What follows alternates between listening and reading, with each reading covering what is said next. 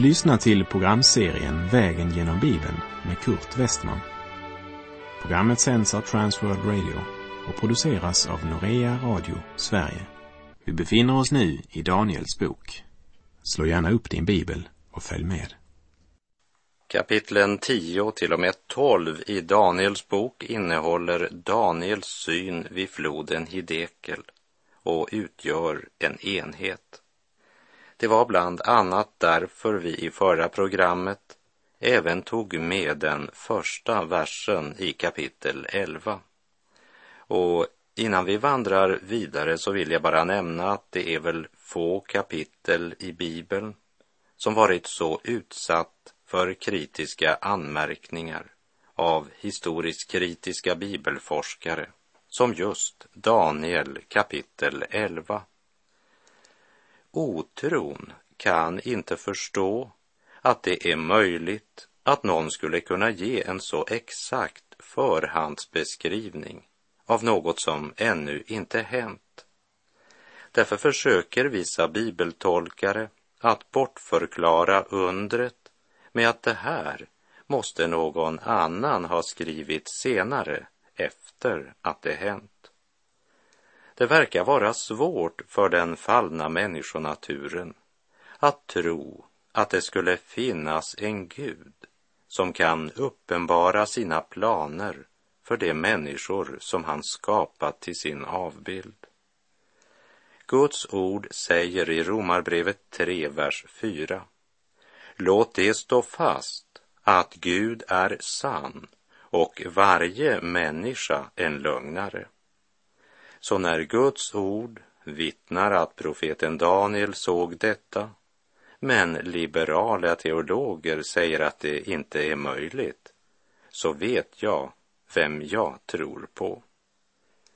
Låt oss be om nåd att inte bli upptagna av det spektakulära och inte styras av vår sensationslystnad utan med stor respekt läsa denna profetia om framtiden. För vi vandrar nu genom en del av Guds ord som fyller ut en del av tomrummet mellan det gamla och det nya testamentet. Vi läser Daniel kapitel 11, vers 2. Nu ska jag tillkännage sanningen för dig. Ytterligare tre kungar skall uppstå i Persien och den fjärde skall bli rikare än någon av de andra. Och när han har blivit som mäktigast genom sina rikedomar skall han sätta in all sin makt mot Javans rike. Från vers 2 till och med vers 34 så möter vi den mest anmärkningsvärda och exakta profetia som någonsin skrivits ner. Och för oss som lever idag, när dessa profetior bokstavligen har blivit uppfyllda, så bör vi ge Gud och hans ord rätt och böja oss inför Herren i lovprisning. Ängeln som uppenbarade det här budskapet för Daniel, han visste att Daniel själv inte skulle leva så länge att han fick se den uppfylld. Så profetians mål är uppenbart att uppmuntra, trösta och styrka det av Guds folk som skulle uppleva denna svåra tid. Det är också givet som ett vittnesbörd till alla generationer om att Gud redan från begynnelsen vet hur historien slutar. Tidsålderns avslutning blir ingen överraskning för Gud. Däremot är det många människor som kommer att bli överraskade. Ängeln uppenbarade att efter Kyros eller Kores så skulle det komma ytterligare fyra betydande kungar. Och genom en tillbakablick på historien kan vi idag säga att den första var Kores son Kambyses som kom till makten 529 före Kristus. Den andra var Pseudos Merdes 522 före Kristus. Den tredje var Darius Hystaspis 521 f.Kr. Den fjärde Exeres som invaderade Grekland 480 f.Kr. Han var alltså den som satte in sin makt mot Javans rike. Och så läser vi vidare i Daniel 11.3. Sedan ska en väldig kung uppstå och han skall härska med stor makt och göra vad han vill. Denne väldige kung som vers 3 talar om var Alexander den store, som i slaget vid Issos år 333 krossade det persiska riket, precis som Daniel profeterade. Vi läser vidare i Daniel 11, vers 4 och jag citerar den versen från Bibel 2000s översättning. Men knappt har han framträtt förrän hans rike krossas och delas efter de fyra väderstrecken. Det skall inte tillfalla någon av hans efterkommande och inte förbli lika mäktigt som under hans välde. Det skall störtas över ända och andra skall ta det i besittning. Alexander den store var en gigantisk världshärskare och en av de största militärstrateger genom tiderna. Han besegrade stora delar av världen men kunde inte besegra sig själv. Han dog som alkoholist år 323 f.Kr. Och precis som Daniel profeterat så splittrades hans rike i fyra geografiska områden. Alexander hade knappt framträtt förrän hans rike krossas och delas efter de fyra väderstrecken, precis som det var profeterat i Daniel 11, vers 4.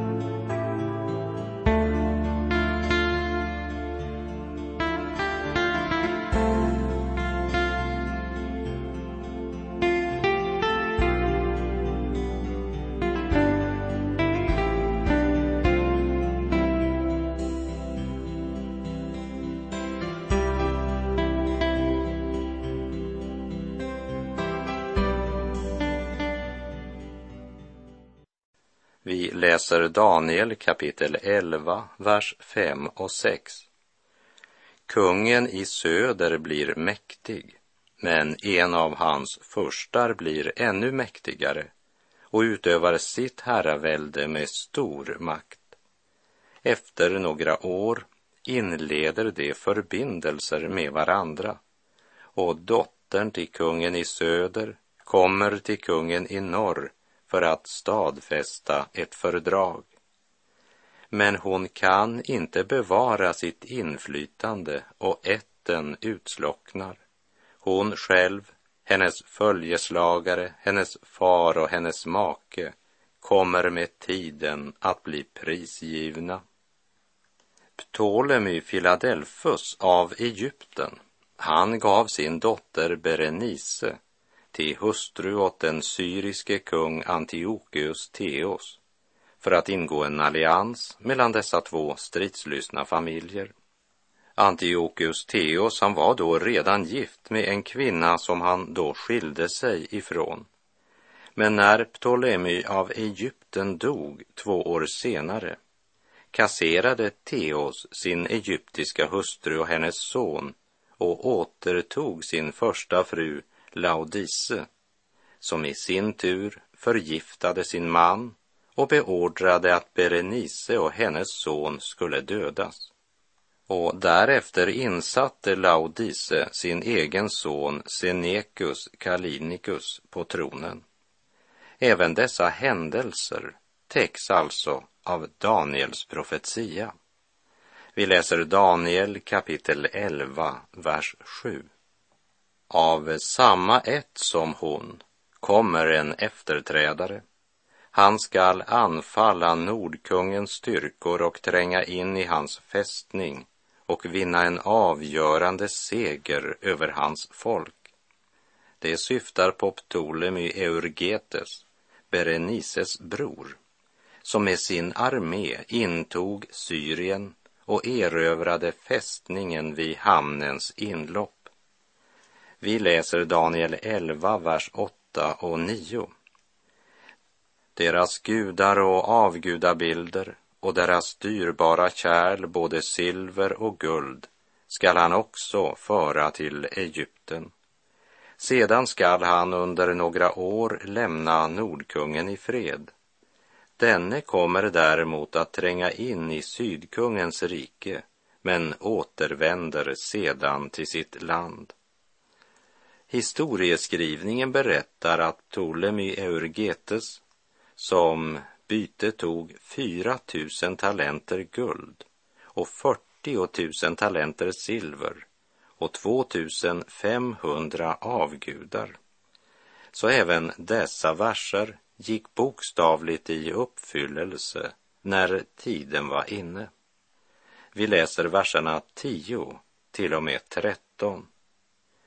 Därefter inlåter sig hans söner i strid och drar samman en väldig här.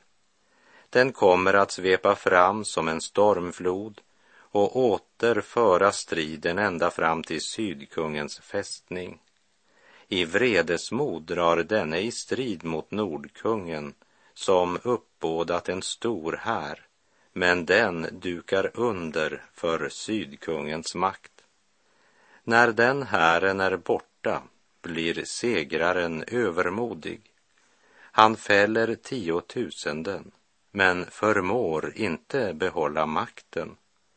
Kungen i norr samlar ett större uppbåd än förut och efter några år rycker han fram med en mäktig här och stor tross.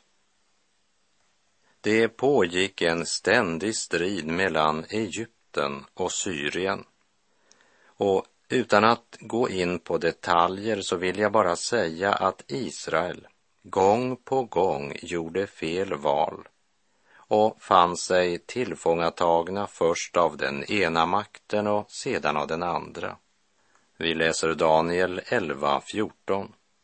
Samtidigt ska många sätta sig upp mot Sydkungen och några våldsmän i ditt eget folk skall resa sig för att synen skall besannas, men det skall komma på fall. Bland Israels folk var det några som med Daniels profetia som grund gör uppror mot sina fiender för att eh, profetian ska gå i uppfyllelse. Men det är inte människor som avgör när Guds timme är kommen. Och de kunde inte heller påskynda uppfyllelsen, utan istället kom de själva på fall. Vi läser Daniel 11, vers 15 och 16. Så skall kungen i norr rycka fram, kasta upp en belägringsvall och inta. Styrkorna i söder kan inte hålla stånd mot honom. Inte ens de bästa soldaterna förmår det. Angriparen gör vad han behagar utan att någon kan stå emot honom. Han sätter sig fast i det härliga landet och underkuvar det. Det härliga landet är Israel. Landet som Gud med ed lovade åt Abraham, Isak och Jakob och deras efterkommande. Och verserna profeterar om det vi nu känner som Antiochus den stores seger över Egypten vilket i nästa skede medförde stora lidanden också för Israels folk. Men jag hoppar över en del av den sekulära historien från denna tid.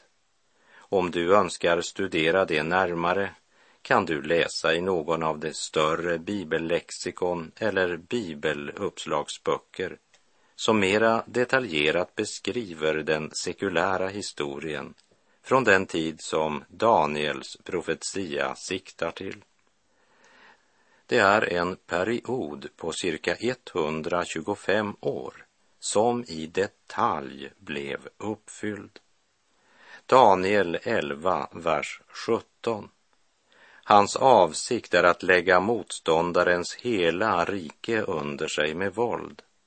Han sluter ett fördrag med honom och skänker honom en ung kvinna för att bringa riket i fördärv, men förgäves, det lyckas inte. Det hände någon gång mellan år 198 och 195 före Kristus när Antiochus den store gjorde ett fredsfördrag med Egypten och gav honom sin dotter Kleopatra till hustru åt Ptolemy Epifanes. Vi läser vers 18 till och med 20. Då kommer han att gå mot kustländerna och inta flera av dem. Men en härskare ska göra slut på hans hån och vända det mot honom själv. Slutligen återvänder han till fästningarna i sitt eget land, vacklar, faller och är borta. I hans ställe uppträder sedan en som sänder en skatteindrivare genom det land som är rikets mycket. Men efter någon tid blir han krossad, dock varken genom vrede eller genom krig. Kustländerna i vers 18 siktar till Grekland och alla de grekiska öarna. Och det var mot dessa områden som Antiochus den store nu vände sig. Härskaren eller härföraren som ska göra slut på hans hån, det är det romerska imperiet som börjar resa sig i väst och nu börjar vända sig mot öst.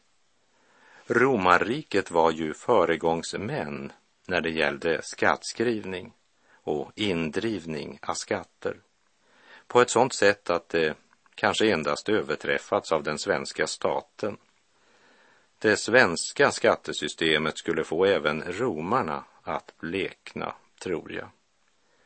När det romerska riket växte fram byggde de upp sitt imperium genom att skattskriva alla ockuperade folk. Och när Syrien började underkuvas av Rom så är det många historiska detaljer som vi inte ska gå in på här, men som kan vara intressanta att studera när det gäller maktkampen mellan Syrien och Egypten.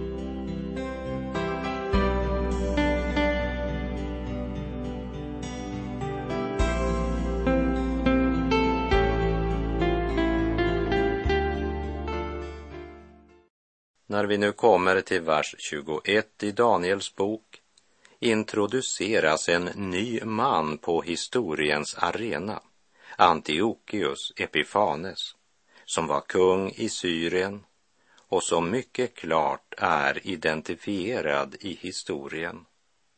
Vi läste om honom redan i kapitel 8 ett nytt litet horn som växte till kraftigt mot söder och mot öster och mot det härliga landet. En profetia som alltså uppfylldes genom Antiochus Epifanus och de flesta konservativa bibeltolkare anser att detta avsnitt refererar just till honom. Antiochus Epifanes livshistoria passar som hand i handske på Daniels profetia. Samtidigt är han en prototyp på Antikrist som illustrerar laglöshetens människa, fördärvets son, som öppet ska träda fram i ändetiden och som Paulus talar om i Andra Thessalonikerbrevets andra kapitel. Det är slående likheter mellan Antiochus Epifanes och Antikrists karriär. Antiochus Epifanes, han kom till makten år 175 f.Kr. Han kallas avskyvärd på grund av sin gudsbespottelse. Han kom till makten med fred som sin programförklaring. Antikrist ska komma under precis samma täckmantel och hans första tid ska kännetecknas av en tillfällig fred för vilken han tar äran och får massornas stora beundran. Några ska till och med förvillas att tro att det är fredsriket som har kommit, medan det i verkligheten går mot en fruktansvärt svår tid. Antiochus, han var en förrädare och smickrare. Kära vän, akta dig för sådana personer, för tyvärr finner du sådana även i församlingsverksamhet och de har gjort större skada än någonting annat. Det vi behöver idag är inte falska personligheter som smickrar folk för egen vinnings skull. Vi behöver ärliga människor som står på Guds ords grund och som vågar säga det som det är. Tyvärr så är det långt mellan dem, men pris ske Gud de finns fortfarande på många platser i vårt land och de är spridda i många olika församlingar. Det viktiga är inte vilken församling vi tillhör, men att vi blir undervisade i samsvar med Guds ord, praktiserar det vi hör och lever i Guds fruktan och helgelse. Ty utan helgelse kommer ingen att se Herren, säger Hebreerbrevet 12 14. Vi läser i profeten Daniel kapitel 11, verserna 21 till och med 24. I hans ställe ska en föraktlig man komma, en som inte har givits kungavärdighet. Oväntat intar han riket med list de fientliga stridskrafterna skall han svepa undan fullständigt, till och med förbundsfursten krossas. Ty från den stund han ingått förbund med honom kommer han att handla svekfullt. Så snart någon blivit hans bundsförvant handlar han svekfullt, får övertaget och behåller det, fast hans folk är fåtaligt. Oförmärkt ska han tränga in i de rikaste bygderna av en provins och göra vad varken hans fäder eller förfäder har gjort. Han skall fördela erövrat gods, byte och utrustning bland sina män. För en tid planerar han angrepp på fästningar. Förbundsfursten i vers 22 var sannolikt översteprästen Onais den tredje, som blev brutalt avrättad vid denna tid genom Antiochus sinnrika svek när han kom till makten. Vi läser Daniel 11, verserna 25 till och med 28. Han samlar sin kraft och sitt mod till ett angrepp med stor härsmakt mot kungen i söder Denne ska då inlåta sig i strid med en oerhört stor och slagkraftig styrka, men förmår inte att hålla stånd på grund av förrädiska anslag. Det som äter vid hans bord kommer att krossa honom. Hans här ska svepas undan och många skall stupa. De två kungarna har onda avsikter De ska sitta vid samma bord och ljuga för varandra, men utan att vinna något med det, ty slutet dröjer ännu intill den bestämda tiden. Den ene vänder tillbaka till sitt land med stora rikedomar och med fiendskap i sinnet mot det heliga förbundet. När han satt sin vilja i verket återvänder han till sitt land. De här verserna beskriver Antiochus fälttåg och hans seger över Egyptens kung, som gav honom väldiga rikedomar och mycket stor prestige. Det står att de sitter vid samma bord och ljuger för varandra. Så politiska löften var lika uppspacklade och tomma den gången som idag. Vi läser i profeten Daniel kapitel 11, verserna 29 och 30. Vid den bestämda tiden skall han åter dra in i sydlandet, men denna gång går det inte som den förra. Kiteiska skepp skall komma emot honom och han måste modlös ge vika. Då återvänder han och låter sin vrede gå ut över det heliga förbundet och på återvägen lyssnar han till dem som övergett detta förbund. Antiochus gjorde ett nytt fälttåg mot Egypten. Men den gången misslyckades han på grund av den romerska flottan som här går under namnet kiteiska skepp. Och nu vänder Antiochus sin vrede mot Israels land och folk. Men det ska vi se närmare på i nästa program. För med det så är vår tid nu ute för den här gången. Herren vare med dig. Må hans välsignelse vila över dig. Gud styr historiens gång. Låt honom styra också ditt liv.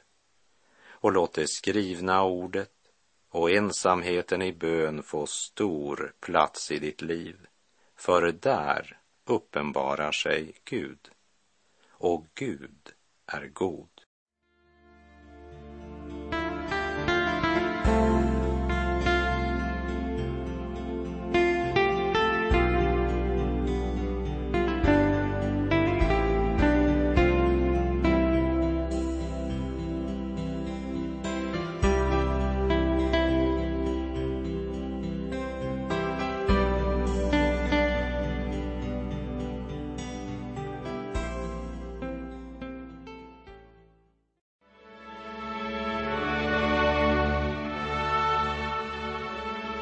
Du har lyssnat till programserien Vägen genom Bibeln med Kurt Westman som sänds av Transworld Radio.